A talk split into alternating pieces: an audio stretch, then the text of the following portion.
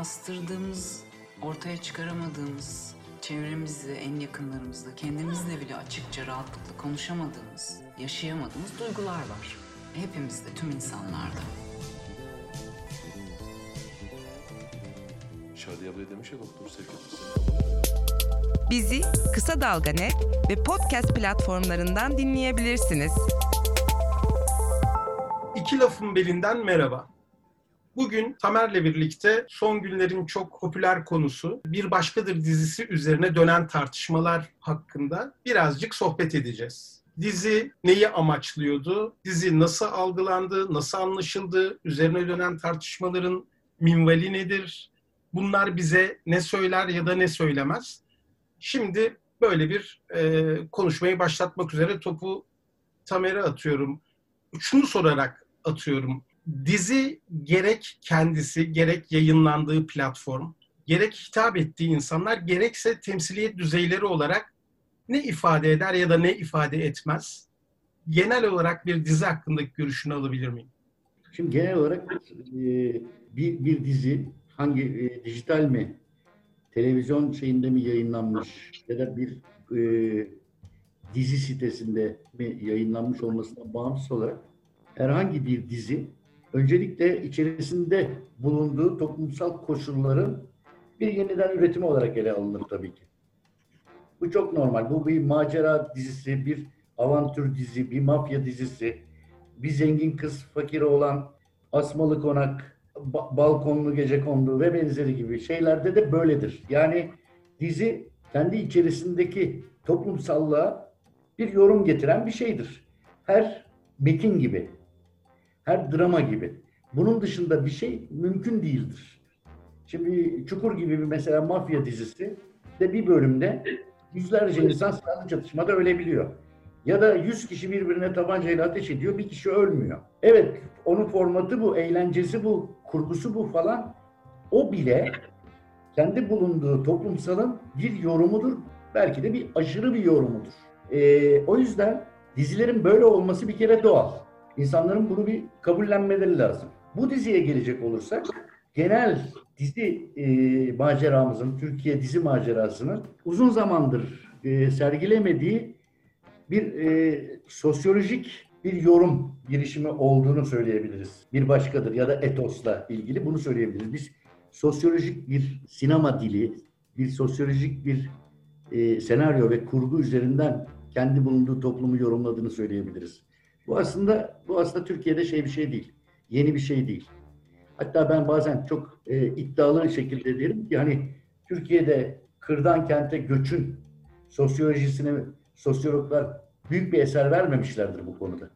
Ama Ömer Lütfü Akat kırdan kente göçün sosyolojisini o üçlemesiyle yapmıştır mesela. Hı hı. O anlamda bu da Türkiye için yabancı bir şey değil. Ama unuttuğumuz, geride kalmış, yanından hatırlamamız gereken bir şey.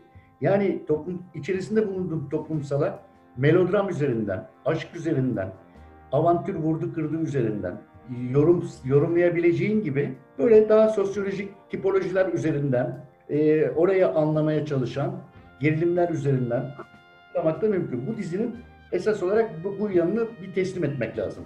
Peki e, o zaman şu soruyu da sorayım. Şimdi gelen eleştiriler arasında şöyle bir şey var. Yaygın bir ortak görüş var. E, dizinin bir yerinde Meryem 2019'da olduğunu söylüyor. Fakat aslında olay örgüsü 2019 değil de biraz daha eskiyi çağrıştırıyor bize değil mi? Böyle 2009-2010'lar gibi. Pek çok insan da zaten şöyle söylüyor. Bu sosyolojik yaklaşımın materyalleri bugün böyle değil. Bunlar çok değişti. Bu bir zamanın temsilleriydi, bir zamanın e, kişileriydi ama bugün artık böyle değil gibi e, bir eleştiri var. E, bu, bu konuda ne söylersin? E, bu konuda bu konuya ben e, yani bu görüşe katılmak şöyle mümkün değil. E, bu ancak şöyle olabilirdi. Dizideki kimi karakterleri doğrudan toplumsal toplumsallık içerisindeki konumlarından öte siyasal alan içerisindeki konumlanmalarıyla birebir indirgersek böyle bir şey mümkün olabilirdi. Mesela e, dizide anlatılan sanıyorum Akbaba derya çevresinde bir semt orası. Beykoz'un kırsal mahallelerinden birisi. O mahallenin sosyolojisi içerisindeki mümkün tiplemeler üzerinden kurulan bir dizi bu. İnsanlar inançlı, namaz kılıyorlar. Bir hoca var. Hocanın referansları onlar için önemli. Onun görüşleri onlar için değerli ve benzeri. Eşit değildir bu kişiler. Siyasal İslamcı, AKP'li, şu bu ve benzeri. Muhtemeldir. Ama muhtemel eşit değildir. Ee, şimdi bu muhtemel eşittir ilişkisi zaten Türkiye'de siyasal kültürün en önemli açmazlarından birisi. Bir ikincisi yani sosyoloji 2010'dan günümüze o kadar değişmiş ama İstanbul'un bu kırsala yakın kenar mahallelerinde cipe binen başörtülü kızlar mı oluşmuş? Bu dizi bir kenar mahalledeki bir kızı merkeze alarak anlatıyor. Yani şu anda İstanbul'un kırsala yakın kenar mahallelerinde başını örten namazını kılan temizliğe giden bir kadın yok mu? Hepsi birden sınıf atladılar ve ciplere mi binmeye başladılar? Yani e, öyle değil tabii büyük bir ihtimalle zaten şey gelen eleştiri şurada yoğunlaşıyor sanıyorum. Boğaz kenarında yılda yaşayan bir aile tiplemesi var. Ve işte hani o Peri'nin ailesi işte hiç gerek yok tekrar onları tekrar etmeye ama işte çok katı bir ne diyelim laik bir aile var. Ve onlar da çok zenginler. Ama dizideki diğer e, mütedeyyin kesim biraz daha şey e, yoksulluk içinde yaşıyor Ta ki e, Gülbin'in kardeşini kenarda bırakarak söylüyorum. Ama derler ki yahu bugün Pelikan dediğin şey o yalılarda yaşıyor. Ama dizi işin bu tarafını gölgede bırakıyor. İşin bu tarafıyla hiç ilgilenmiyor. Eleştiri bu anlamında söylüyorum. Yoksa senin şeyini gayet iyi anlıyorum. De başka bir dizide o öyküyü anlatır. Ya da belki bu dizinin ikinci sezonu o öyküyü ele alır. Yani bir diziden kuş katliamı beklemek bence naif bir yaklaşım. Yani bir taşla kuş katliamı yapılmasını beklenmesi garip. Ee, mesela peri gibi hisseden insanların hepsinin yalılarda yaşadığını söylemek mümkün mü? Değil. Dizi de zaten öyle bir şey söylemiyor. Ailesi yalıda yaşayan bir tanesinin hikayesini anlatıyor. Bir kere bu kısmiliğini tanımamız gerekir karakterlerin. Karakterlerin kısmiliğini tanımadan her şeyi tipoloji gibi algılayarak insanın hani dramatik kültürünün ancak çok müsamereye dayalı bir kültür olmasından kaynaklanıyor. Evet Türkiye'nin eğitimi şusu busu buna yol açıyor. Müsamere biliyoruz yani değil mi? Düşman kılığına girer askerler. Kenti işgal ederler. Türk askerleri de onları şey yaparlar. Hatta bazen düşman kılığına girmiş insanları bayağı zarar da verirler. Temsili kurtuluş törenlerinde falan. Hatta düşman kılığına giren askerlere yövmiye verilir, diğerlerine verilmez. Yani bu bu kültürü böyle diziler, dramalar dünyasına aktarırsan Sonuç sonuç böyle her şeyi birbirine karıştırmak olur. Evet bütün bu imalar var dizide. Ama bunlar dizinin imaları. Mutlak değiller. E, Türkiye'nin e, bu merkez çevre çatışmasını dizi birebir anlatıyor diye bir şey iddia edilemez.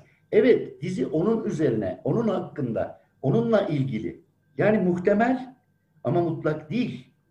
Şimdi bu bu bu ayrımı koymazsak yani e, o zaman Diziden geçelim. Hayatta, gerçek hayatta o tipolojideki bir insana da düşman olabiliriz. Bakkaldan bir ekmek isteği şekli bile bize batabilir. Ya da bu çok hani toplumda yaşanır.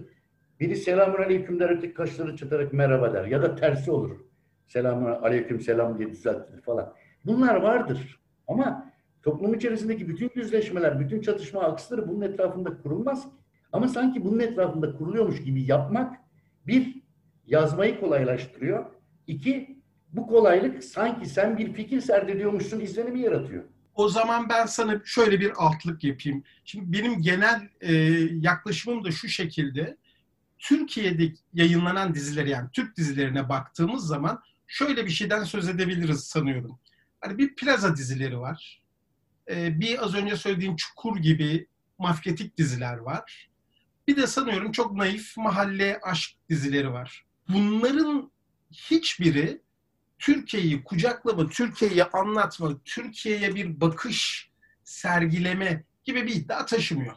Taşıyanı varsa da izleyici nezdinde çok da ciddiye alınmıyor olsa gerek ki genel olarak bu, bu diziler üzerine çok fazla tartışmalar görmüyoruz. Yani bir holding patronu var, onun bir karısı var ama bir sevgilisi var. Sevgilisinin başka bir sevgilisi aslında karısının eski aşığının bir şey filan gibi şeyler insanlara çok inandırıcı gelmiyor ama izleniyor. Geçtiğimiz hafta Rütük'te örneğin e, konusu eşe ihanet olan bir dizinin yayından kaldırılması için bir girişim oldu. E, yani o da e, Türkiye'de Tekirdağ'da çekilmiş bir dizi. bir e, karı koca ilişkisini anlatıyor. Vay böyle karısını aldatan adam, kocasını aldatan kadın e, meselesi şey mi olur falan gibi bir şey oldu. Yani bir yani Evet evet. Yok anlamında söylemiyorum. Mutlaka örnekleri var ama bunları şu an hani Türkiye'nin dizi geleneği içinde önemli bir yer tuttuğunu düşünüyorum. Yani dizi dünyasında çoğunluğun e, az önce saydıklarım gibi izlekler olduğunu düşünüyorum. İşte Berkun'un diğer dizisi senaryosunu yazdım. Masum ya da Şahsiyet daha önce izlediğimiz gibi diziler aslında çok azınlıklı diziler. Benim gözlemlerim böyle. Şimdi e, bir kere biliyorsun Netflix'in Türkiye'de yayınlamak istediği bir dizi sırf bir karakterinin eşcinsel olması nedeniyle yayınlanamadı. Şimdi bunlar hani bu dizi meselesi Türkiye'de bir politik şeye konu oluyor. Standart bir şey bu neredeyse. Şu anda ana kanallarda izlenen dizilerde bıraktık sevişmeyi. Hani öpüşmek, koklaşmak bile neredeyse mümkün değil. Ben işin burasında değilim. Dizilerde bir sansür yok demiyorum. Diziler kendine ayar veriyor zaten. Ben ama şunu kastediyorum. Diziler üzerinden tartışmak Türkiye'de yeni bir şey değil. Ama burada bir yenilik var bu bir başkadır da. Bu tartışmanın aynı zamanda bir siyasal tartışma olarak e, yapılabilmesi. Bunu sağlayan da aslında dizinin kendisi. Evet, Türkiye'nin bir belirli bir dönemi, günümüz diyelim, günümüzün sosyal, politik, toplumsal veçelerini belirli karakterler üzerinden ele alıyor. Evet, bu da yeterince politik bir e, malzeme sunar insanlara. Sunuyor ve Bunun üzerine de bam teline basıyor yani. evet, bunun üzerine de evet bam teline de ba- bastığı için üzerinde pek çok tartışma dönüyor, dönebiliyor, hala devam ediyor. dizinin e, dizinin sorumlu olmadığı e, yerlerden faturalar ödetilmeye kalkılıyor. Benim kastettiğim de biraz buydu. E, mesela şu tür şeyleri daha naif ve dizi tarafından karşılanabilir buluyorum. Bu senin anlattığın 10 yıl önce geçerliydi, şimdi geçersiz kursunun mesela daha ciddi tar- daha tartışılabilir buluyorum. Ama şöyle tartışılamıyor. Orada kastedilen dizinin ima ettiği bir şeyi mutlak olarak algıladığı için. Evet bunlar AKP'liler ama bunlar 10 yıl önce buradaydı ama çoktan testiyi doldurdular. Şimdi başka yerdeler demen için bu ilişkiyi otomatik bir ilişki haline getirmen gerek. Öyle bir otomatik ilişki yok. Hem dizide yok hem arkadaşlar üzülecekler belki ama hayatta da öyle bir şey yok yani. Yani başörtülü ve e, na- namazında, niyazında, hocasına danışan, temizliğe giden o maddi şeyin içerisinden, açmasının içerisinden çıkamamış kitleler yaşıyor Türkiye'de. Evet, bu, bu kitlelerden pek de haz etmeyen, annesi babası yalıda oturan insanlar da var. Ama Türkiye bundan ibaretmiş gibi bir şey mi iddia ettiniz? Böyle bir iddiası yok. Ama bütün kurgu Türkiye bundan ibaretmiş gibi kabul edip bunun üzerine yükleniliyor. Ve bu varsayımların, dizinin varsayımlarının bir kısmı tamamen hayali. Mesela sence Yasin kime oy veriyor? Bunu bilemeyiz. Ama ama şimdi bu eleştiriyi getirenler aslında Bunlar biliyor. yani düşünüyorlar. Yani bence dizi diziye ilişkin bir başka nokta da şu. Laik, seküler kesimleri e, tatminsiz, e, hayatta böyle sıkıntılar, bunalımlar içerisinde ve dünyanın farkında olmadan, başkalarıyla empati ilişkisinde kurmadan e, yaşayan mutsuzlar, diğerlerinde mutlular olarak kurgulaması mesela. Ben de bunu garipsedim çünkü öteki tarafta bir mutluluk yok. Tersine orası da bir bunalım. Hatta çok köklü bir bunalım. Yani e, mesela bir hoca efendiyi bir karavana bindirip dağ bayır kaçırtacak kadar bir bunalım yani. Daha ne olacaktı? Ya da o kadar hadis, o kadar fıkıh, o kadar kitap, kitap arasında kendi varoluş bunalımını onların arasında çıkış bulamadığı için Jung'a kadar ulaşmış bir, bir çocuk mesela. Ben mesela İslam'da olsam çok isyan ederdim. Yani o kadar eser, o kadar şey kitap, mitap falan arasında. Bu çocuğu Jung'a biz ne ara kaybettik diye düşünürdüm. Yani Aslında Jung şeyin bir antitezi olarak Freud'un hani her şeyi cinselliğe bağlayan filan ve aslında Doğu kültürüne ilişkin de çok böyle hoş laflar eden birisi olarak o çevrelerin çok sevdiği, çok referans verdiği bir düşün. Muhtemel ama sonuçta sonuçta dünyevi bir bilginin referansına teslim edilmiş bir imam adayı var orada. O, oysa bir imam adayının hani varoluşa ilişkin görüşlerini zaten hadis, sünnet, Kur'an, ayet bunlar oluşturmalıydı. Bunlar yetmeliydi. Dizi de anlatıyor işte yetmiyor diyor. Yetmediği için Jung'a gidiyor bu çocuk diyor. Yani dizinin söylediği bu. Ötekine bu yetmiyor, berikine bu yetmiyor. Beş vakit namaz kılıyor ama içki satılan yerde çalışmakta bir mahsur görmüyor mesela. Hı. Mesela bunu düşündüler mi?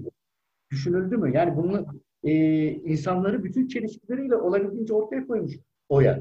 Meryem mesela. Hocaya sormadan psikoloğa bile gidemiyor ama gittiğinde psikoloğa, hocaya asla anlatmayacağı şeyleri psikoloğa anlatıyor. Ve böyle hatta hız, muzırca anlatıyor. Burada tabii şeyi de koyalım hemen tam da bu şeyin üzerine. E bu, bunun da aslında Peri'nin başarısı olduğunu da söylemek lazım. Hani o kahve e, French press dediğimiz kahve meselesinden kızı yakalayıp oradan Sinan kim diye devam edip Meryem'i bir anda çözen kadın aslında. Evet, evet tabii. Yani ama e, bir- o kontekste uygun bir şey o. Hani o da onu işte börek mörek mevzularından İşte Evet. güzel olan bu. Mesela hocam hani şu e, yapay çiçek, gerçek çiçek analojisi Meryem'e yetmiyor mesela. Meryem'i bırak hocanın kendisine yetmiyor. Kendisine de yetmiyor. Ama işte hocanın şeyi de bu. E, durumu da bu. İşte hocanın da yapay çiçeği karavanı. Evet. Yani o eskiden Almancılar getirirdi onu Fermi ile. Westfalia denirdi ona. Volkswagen'in artık. Volkswagen'in herhalde. Galiba ya. Ee, bir karavan. Çok şeydi. Popüler bir şeydi. Ee, 70'li yıllarda, 80'li yılların ortalarına kadar falan. Hocanın da yapay çiçek karavan. Yani Meryem'in yapay çiçekle şey hocanın gerçek çiçek yapay çiçek metaforundan kaçmasına gerek yok. Hocanın kendisi gerçek çiçek peşinde değil. Adam bir huzur peşinde. Da, dağda karavanımla dolaşayım. Çayımı demleyeyim derdinde. Burada çok e, açıkça hani dinin e, Said Hoca'da yarattığı boşluğu dolduramaması anlatılıyor işte Oya tarafından. Daha ne anlatsın? Oya bunu daha nasıl resmetsin yani? Ne desin? Yetmiyor işte. Hocanın bildiği, istediğine yetmiyor. Anlatılan hikaye bu. Ama sanki hikaye bu değilmiş gibi ki üstelik elinden geldiğince de siyasal bir figür olarak kurmamaya özen göstermiş hocayı ve benzerini. Yani demin Jung olayını anlatırken de aynı şeyi söyledim. Onun da şeyi, sermayesi, o da Jung'a gidiyor işte. Aynı şekilde buradaki ülkenin yerli inanç meşgalelerine karşı büyük gıcıklığı olan Peri'ye o kendi maddi dünyası ona da yetmiyor. Peru şamanizmine gidiyor o da. Yani herkesin öyle bir yetmeyen peşine düş. Yani aslında herkes Sinan. Yani bu mesela konuşulmuyor. Herkes herkes Sinan. Ve sorarsan dizi üzerine konuşulanları herkes Sinan'a düşman. Aslında dizi kabaca herkes Sinan diyor. Herkes bir şeyin peşinde. Hiç olmazsa Sinan daha somut bir şeyin peşinde. Bu boşluk, bu boşluk anlatısı nasıl oluyor da insanlarda güzellik duygusu yaratıyor. Yani insanların hoşuna gidiyor benim de olduğu gibi. Şöyle yani ötekinin en çıplak, en insan haliyle görmek çok değerli bir şey Ahmet. Göstermek de çok değerli bir şey. Şimdi bu dizinin başarısı kabaca böyle özetlenebilir. Ötekini, berikini olanca çıplaklığı, marazı, sıkıntısıyla gösterebilme. Becerisi bu. Arızası olmayan tip yok dizide. Ve dizi bunu çok sürprizlerle anlatıyor. Sevilmeyecek birisi de yok buna rağmen. Belki Gülan. İşte dizide en çok o AKP bilmem nesine yakıştırılabilecek kişi o. Hani ciple gezen yok diyorlar ya al sana ciple gezen de var. Yani o, o, o, o, o yani o düzeyde eleştiriyi karşılayabilecek çok şey var ama o düzeyde eleştiriye hak vermediğim için anlamsız buluyorum bunları. Bir başka eleştiri de şu, bunu biz iki erkek olarak ne kadar konuşmalıyız bilmiyorum ama e, dizide genel olarak kadınların, bağımsızlaşmış kadınların mutsuz olduğu, e, daha e, geleneksel olan kadınların sonunda mutluluğu yakaladığı, tırnak içinde söylüyorum bunu, ve erkeklerin hep mazlum olduğu, Sinan'ın bile son kertede hep mazlum olduğu gibi yapılmış bir eleştiri var. Ne dersin buna? Şimdi tabii dizi, dizinin, diziye yönelik bütün eleştirileri benim burada cansiperhane göğüslemek gibi bir şeyim yok, misyonum yok ama. Olmaz. Bunu göğüslemek zorundasın. Çünkü bu podcast'i yapıyoruz birlikte. Lütfen. O zaman göğüsleyeyim biraz. Yani e, evet böyle bir şey elbette söylenebilir ama öte yandan bu e, erkeklere daha bağımlı kadınların sanıyorum Meryem ve Yasin'in eşi kastediliyor burada. E, daha şey olduğu, daha mutlu olduğuna dair ya da kızcağız bileklerini keseli bir hafta olmadı ya.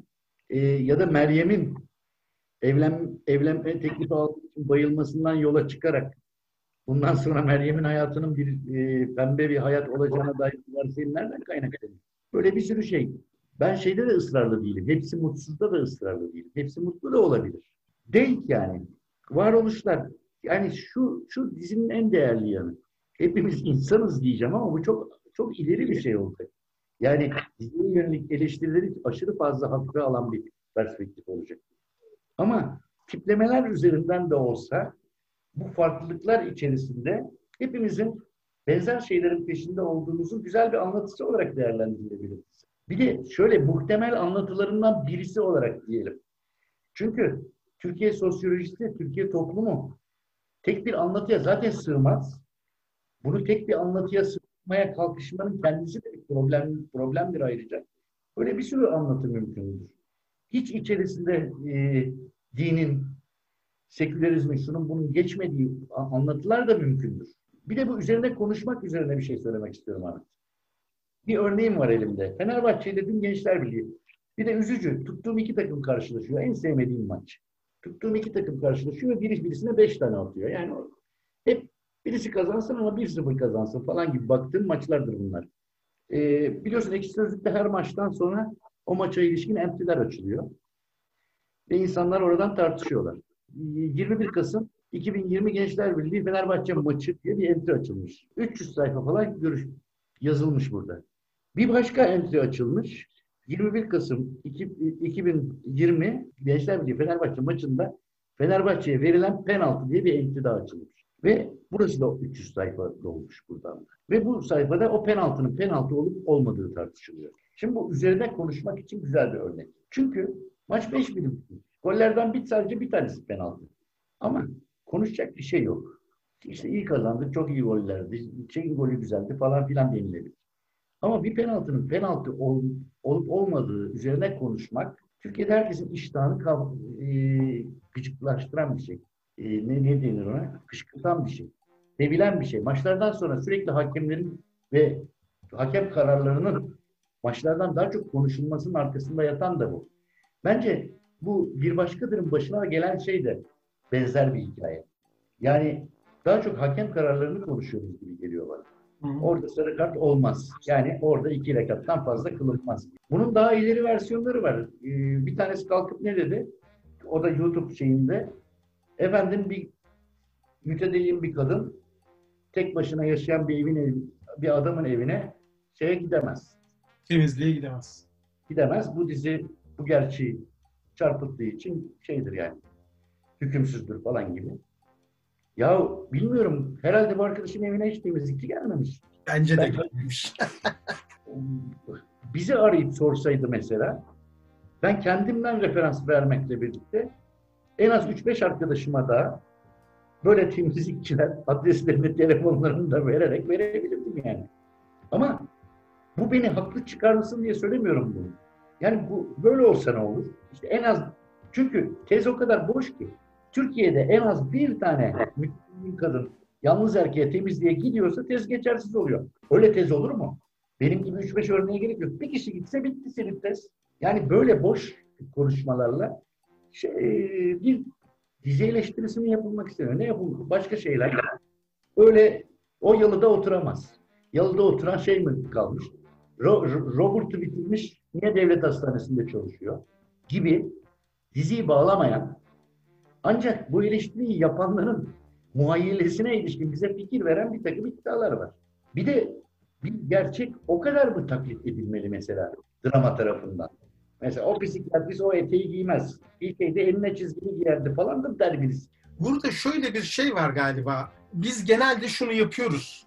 İzlediğimiz şey İstanbul'u anlatıyorsa, biz de İstanbul'da yaşıyorsak orada kendimizi görmeye çalışıyoruz. Kendimizi görmek istiyoruz. Sonra kendimizi görüyoruz da ama gördüğümüz şey hoşumuza gitmeyince yönetmene ya da işte senariste kızıyoruz ve diyoruz ki ya beni böyle temsil etme arkadaş. Ben de İstanbulluyum, burada yaşıyorum ama beni böyle temsil edemezsin. Peki. Sonra diğerine bakıyoruz, öteki. O nasıl temsil edilmiş?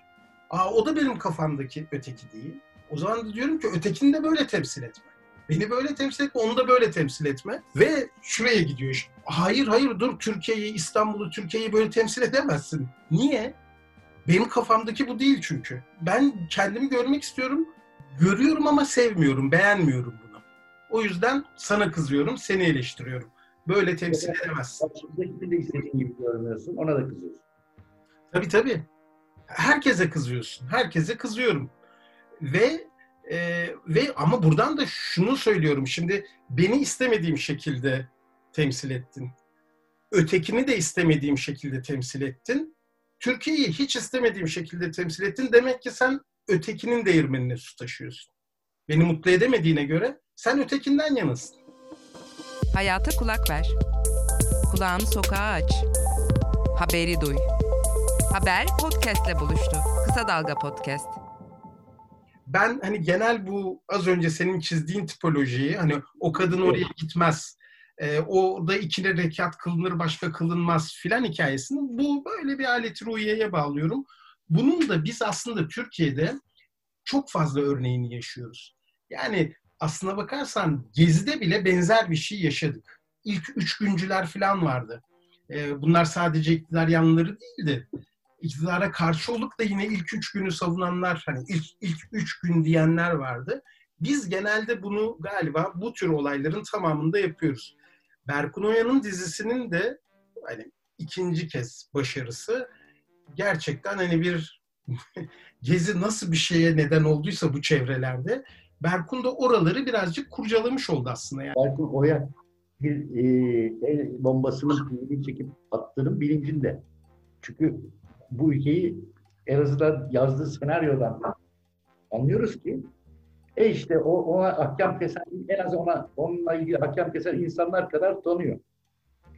O yüzden bunun pimi çekilmiş bir el bombası olduğunu bildiğini düşünüyorum. Bunu şöyle destekleyebilirim. Masum'u ben işte diziyi izledikten sonra hızımızı alamadık. Ailecek Masum'u tekrar izledik. Daha önce geçen yıl izlemiştik galiba.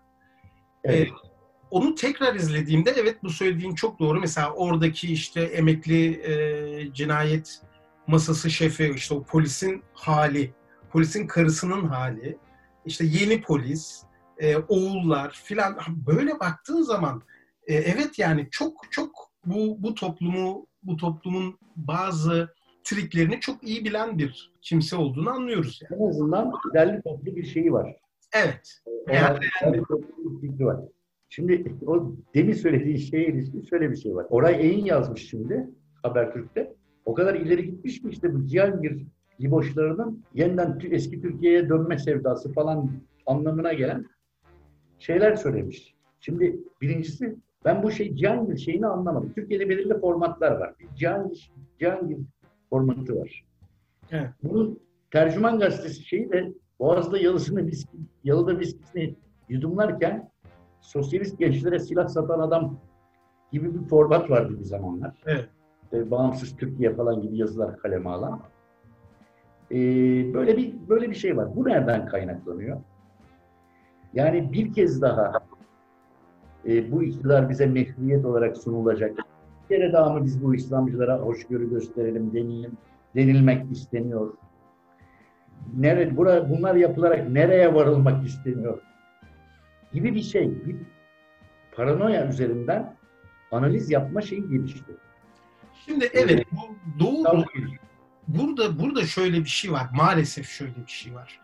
Ee, işte az önce en başından beri kenarından dönüp durduğumuz mesele aslında. Şimdi ne ne ne diyoruz? Temsiliyetler var dizide. Bir tanesi çok belirgin. Ee, mütedeyyin insanlar. Hani bunların aslında parayla pulla iktidarla ilişkisi olmayan mütedeyyin bir kesim diye bir şey var orada. Öyle bir dünya var. Bir yanda işte laik, kendi yaşadığı topluma yabancı başka bir temsil biçimi var orada. E, Gülbin üzerinden aslında bir Kürt gerçeği var. İşte bütün bunları bu üç temsiliyet biçiminde bir de Sinan var. ha. Bir de Sinan var o da işte Cihangir. Dört etti. Bunların altında kan var maalesef. Şimdi işin bir de böyle bir boyutu var. Şimdi az önce de, ben hani dedim ya beni öyle resmedemezsin, onu öyle resmedemezsin. Ben kimim? Bu, bu cümleyi kuran özne kim?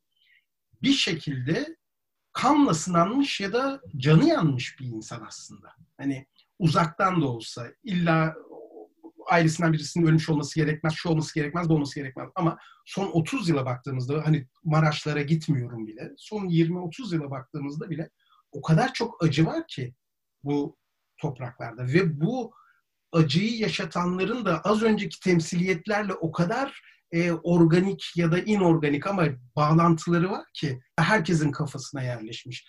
Yani aslında söylediğim şey şu, e, gerek dizideki karakterlerin, yani Meryem'in, Peri'nin, Ruhiye'nin, bütün karakterlerin ve bu dizi üzerine yorum yapan herkesin bagajı gerçekten çok dolu. Kanla doldurulmuş bir bagaj var. O yüzden bu eleştirileri de yani böyle hani bu, bu eleştirilerin altına da bunları düşünerek inmek ve oradan da bakmak lazım diye düşünüyorum. Evet tabii yani bir de her şey öyle aslında biraz Türkiye'de. Yani biraz ülkenin kendi kaderinden, doğasından yani her türden kurulu, siyasi, ontolojik, o modernlik macerası içerisinde yer alan her kimliğin oluşumunun arka planında acılı, sıkıntılı, travmatik bir tarih var. Evet, bir yaralanmış bir durum var. Evet. Bu aslında diziden bağımsız olarak da var. Ama zaten diziyi başarılı kılan şey genelde yokmuş gibi varsayılan bir şeyin, şeyin varlığını vurgulaması zaten. O, o zaman şunu da sana sorayım. Şimdi e, çok eleştirilen noktalardan bir tanesi dizide. O da oradaki Kürt temsiliyeti. E, şimdi iki şey var. Bir Gülbin yani psikiyatrist görece beyaz bir Türk'e benzeyen kadın beyaz Kürt çıkıyor ama e, dağda da dinsiz arkadaşları var. Yani birazcık böyle sempatizan olduğunu düşünüyoruz. Onun ablası var. Başı kapalı. Muhtemelen iktidara oy verdiğini düşünebildiğimiz, düşünebileceğimiz bir tip. Fakat bununla da kalmıyor. Bir de Ruhiye'ye Çanakkale'nin bir köyünde tecavüz eden ve onun bütün bu hikayesini böyle gelişmesini sağlayan kişi de bir Kürt. Şimdi biliyorsun e, çok tepki aldı. Hani Çanakkale'nin bir köyündeki tecavüzcüyü niye Kürt yaptın diye e, senariste, yapımcıya e, bir şey oldu, e, eleştiri oldu. Nasıl bakıyorsun oradaki temsillere? Ben de tabii bu hassasiyeti, ben de diziyi izlerken yani eleştirileri okuyunca değil, diziyi izlerken düşündüğüm bir şey. Bir de bir boyut daha var. Şey bir komando, Yasin bir komando ve e, malum bölgede yapmış askerliğini. Orada bir yaralanma hikayesi var. Orada bir, bir takım hikayeleri var onun. Henüz bilmediğimiz. E, belki Kürt meselesine dair bir öyle bir boyut da var. Şimdi özellikle bu tecavüzcünün Kürt olması meselesi. Şimdi bu aslında şöyle bir şey söylenerek geçiştirilebilir. Nereden çıkardık Kürt olduğunu? Tipinden mi? Mesela bu denilebilir. Evet, doğru. Ama bunu dersek biraz faul olur. Yani evet. e, herkesin okuduğu gibi okudum ben de orayı. Evet, bu, bu böyle bir rahatsızlık e, ben de hissettim dizi izlerken. Ama öte yandan bana asla böyle bir şey mümkün değil gibi de gelmiyor. Yani böyle bir hikaye mümkündür. Hatta şöyle bir şey söyleyebilirim. Bu Kürt, Kürt kimliğinden ya da Kürt e, temsilinden bağımsız olarak aslında şöyle bir laf vardır ya halk arasında. Hayatımı yazsam roman olur. Aslında olur. Fakat herhangi birisi, herhangi birisi hayatını gerçekten yazsa ve dürüstçe yazsa kimse o hayata inanmaz Ahmet. Çünkü her hayat her hayat inanılmayacak kadar renklidir yani. İnanılmayacak kadar renkli ve insanlar öyle mesafeler kat ederler ki hayatları boyunca inanmak mümkün değildir. E, e, bu şuradan şuraya gitme hikayesi aslında dramanın hikayesidir. Dramlar kurmaca ancak daha tutarlı karakterler yaratır. Gerçek hayatın karakterleri daha tutarsızdır. Hayatın akışında sürükler. Çok basit bir örnek vereyim. Mesela ondan sonra Ahmet'le Watford'da buluştuk diye bir hikaye yazsak 90'ların sonunda. Bu bir science fiction olur yani bir bilim kurgu, bir zaman tünelinde yolculuk gibi algılardık. O yıllarda bunu, bunu konuşuluyor olsa. Evet. Ama oluyor işte. Hayatlar öyle. Buradan şunu vurgulamak istiyorum. Hayat, hayatta herkesin hayatı kısmi olduğu gibi burada şunu da belirteyim. Herkesin dünya görüşü, dünyaya bakışı ve politik konumu da kısmi. Şimdi bizim kendi politik konumlarımızı kısmi değil, evrensel olarak görmek, diğer politik konumları kısmi görmek gibi bir hastalığımız da var. Kendi politik konumlarımız da kısmi, hikayeler de kısmi, tabii ki dizi de kısmi. Ee, tabii ki bir bütüne işaret ediyor, bir temsilik yanı var. Ama o bütünü tüketme iddiasında değil ki olsa da tüketemez. Şimdi buradan bakınca her hikaye bana mümkün geliyor. Her kimliğin her yere yerleştirilmesi bana mümkün geliyor. Evet bazen eğreti durduğu hissine ben de kapılıyorum. Ama bu bir dramatik yapıyı yargılamak için yeterli bir veri sağlamıyor bana. Buradan şeyi e, konuşalım bence.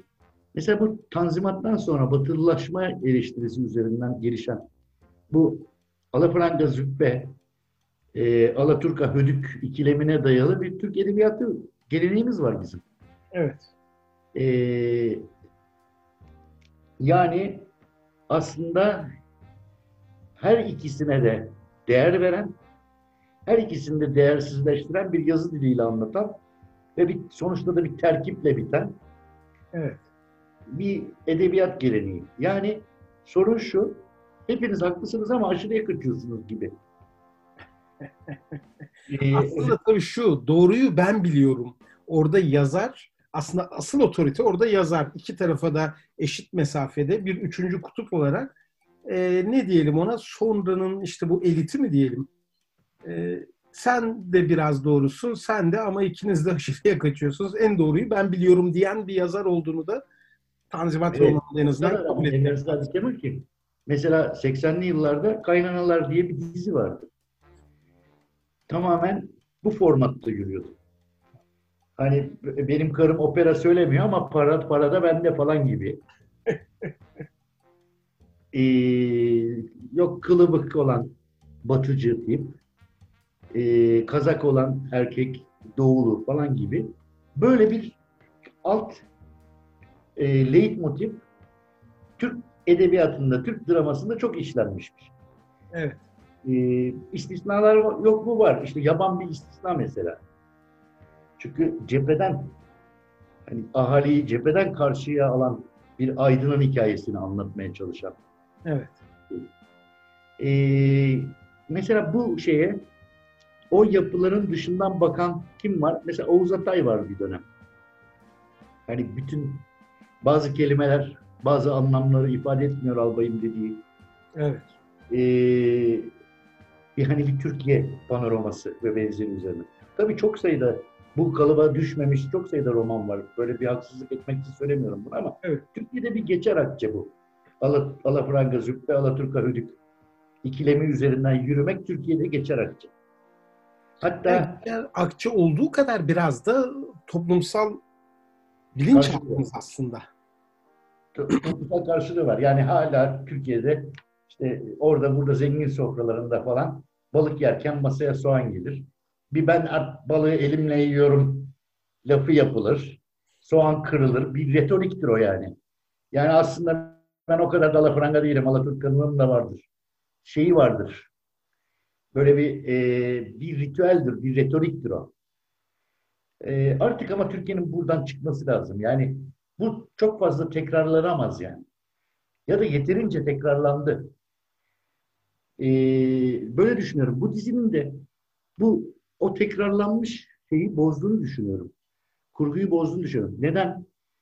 Ee, Alafranga burada da var, Alaturka burada da var.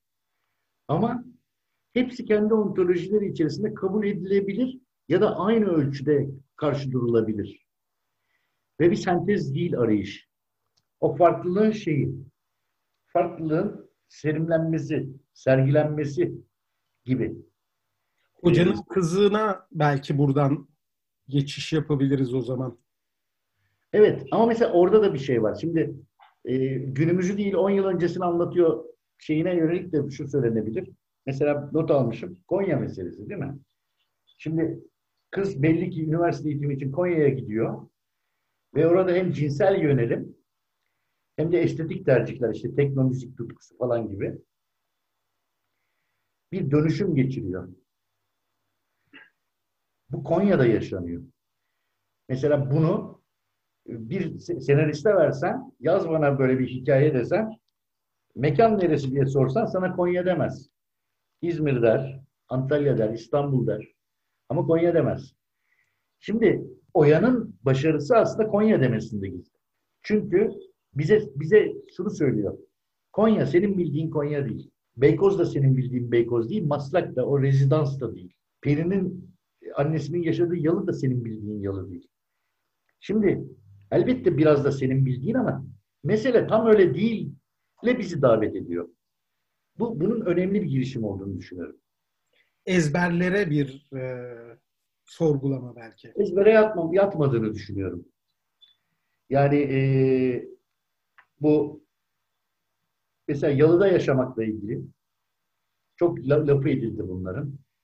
E, o insanlar artık yalıda yaşamıyor falan gibi. Yaşayanları var. Bir de mesela yalıyla ilgili şöyle bir şey söylendi. O anlamlı. O yalıda yaşaması için mutlaka geçmişte bir şeyhlik. Değil mi? Ya da bir kadılık bir şey olması lazım. Böyle evet, evet. Bir öyle olmaz falan olmalı. diye. Tabii. Bir müderrislik olmalı dediler. Evet, evet. Ama yani şimdi onu söyleyen kişi şunu kabulleniyorsa anlaşılır. İyi de o kadı dediğin adam akşam rakı sofrasına geliyordu o yalıya. Yani o senin dediğin kadı, senin bildiğin kadı değil o. Türkiye'de mason şeyini Şeyhülislam kurdu ya hocasını. Yani o senin bildiğin şey değil o. Yani o toplumsal dönüşüm içerisinde herkes konumlanıyor. Kendisini geleneksel tarafa falan yığanlar. O gelenekselle ilişkileri senden benden çok farklı değil. O kadar bir süreklilik yok yani. Buradan da hani çok siyasal bir sonuç çıkar bana göre.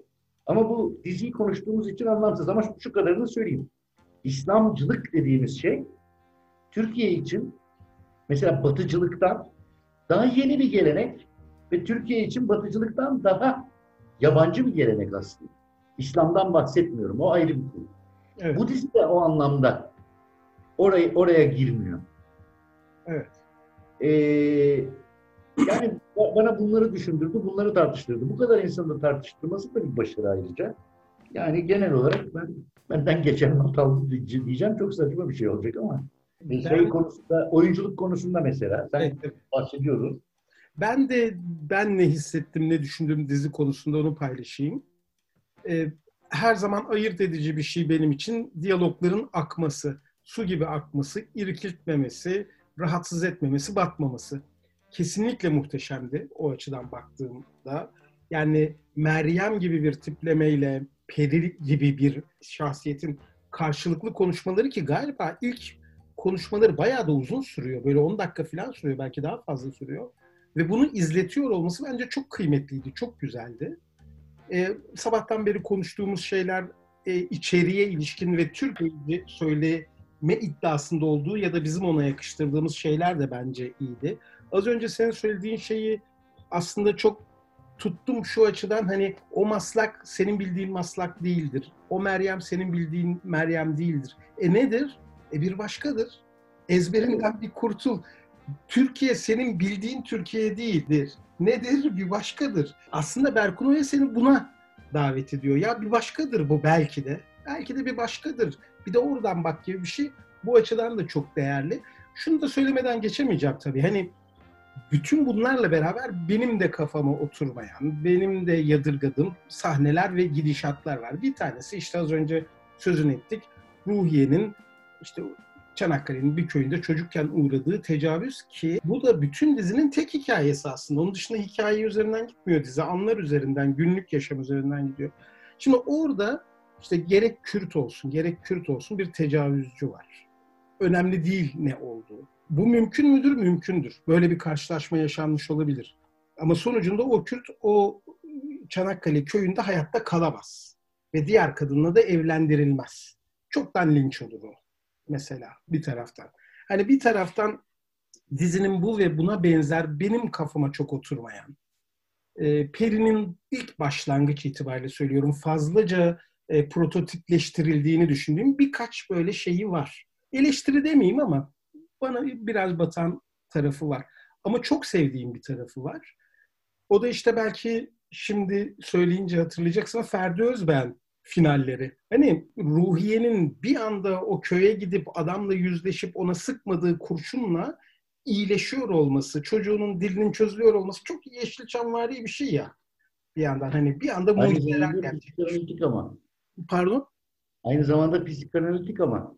Mutlaka. Yani Freud'da da, Freud'da da yüzleşmenin ani tedaviye yol açtığı durumlardan bahsediliyor. Mutlaka, mutlaka kesinlikle katılmakla beraber ya 15 saniyede olup biten bir şey olarak hani biraz mucizevi bir şey ve bu da bende melodramatik bir şeyler filan çağrıştırdığı için Ferdi Özbeğen'i de bu anlamda biraz nostaljik, yakın nostaljik ama Yeşilçam kadar eski değil olarak yerleştirilmiş güzel bir parça olduğunu düşünüyorum ve benim için dizinin bütün atmosferini çok güzel tamamladı. O İstanbul görüntüleri. Bir En azından en azından şey yani dizinin ka- karakterize eden şeylerden birisi oldu.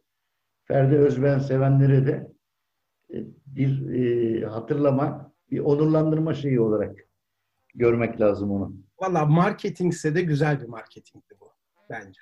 Ya şimdi zaten burada şöyle bir şey var. Bu popüler kültürle ilgili bugün konuştuğumuz bir yazı çıktı ya gazetede.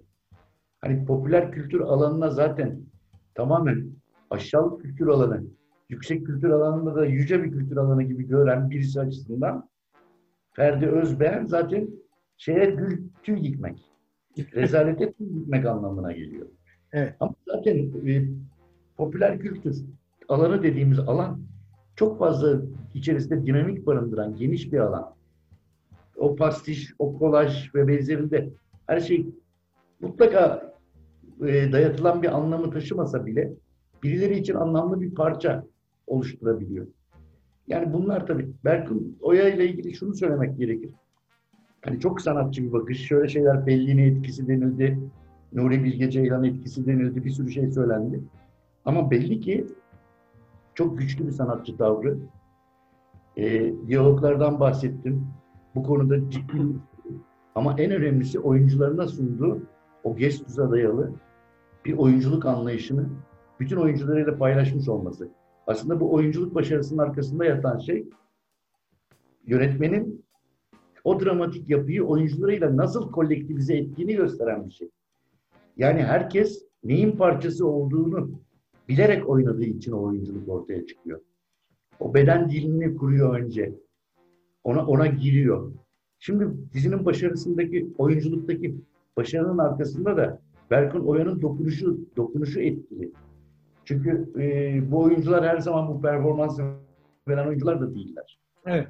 Yani bunları da düşündürdü bana. E, ya oyunculuklar gerçekten muazzamdı diyebiliriz. Tabii e, Yasin karakterini daha önce birkaç farklı rolde daha izlemiş birisi olarak şey diyebilirim yani. E, Behzat Ç'nin Harun'una en yakın rolünü oynamış burada. E, o yüzden senin az önceki yorumundan belki onu böyle birazcık ayırabilirim. Biraz daha bana tanıdık geldiği için. Ama onu da azıcık konuştuk. Hani geçmişinde bir komandoluk, yine bir silah külah işi olduğu için e, belki de o rolü öyle oynaması gerekirdi. Sonuç Evet olarak yani evet. o o ama bak şimdi o kişinin e, bence çok başarılıydı. Bu avantür yanıyla o yumuşak yanını böyle o, o komando senin bildiğin komando değil Ahmet. Hikaye bu aslında. Hocam o zaman şöyle finali yapalım. Hatırlarsın kesin e, botanik bahçesinde o şeyin içinde e, kış bahçesinin içinde ağlayarak telsize seviyorum merkez diye komiser Harun'un geçtiği anonsu analım burada o zaman. Tam o şey tarafıyla, avantür tarafıyla duygusal tarafın böyle iç içe geçtiği. Ne diyelim seviyoruz merkez. Seviyoruz merkez.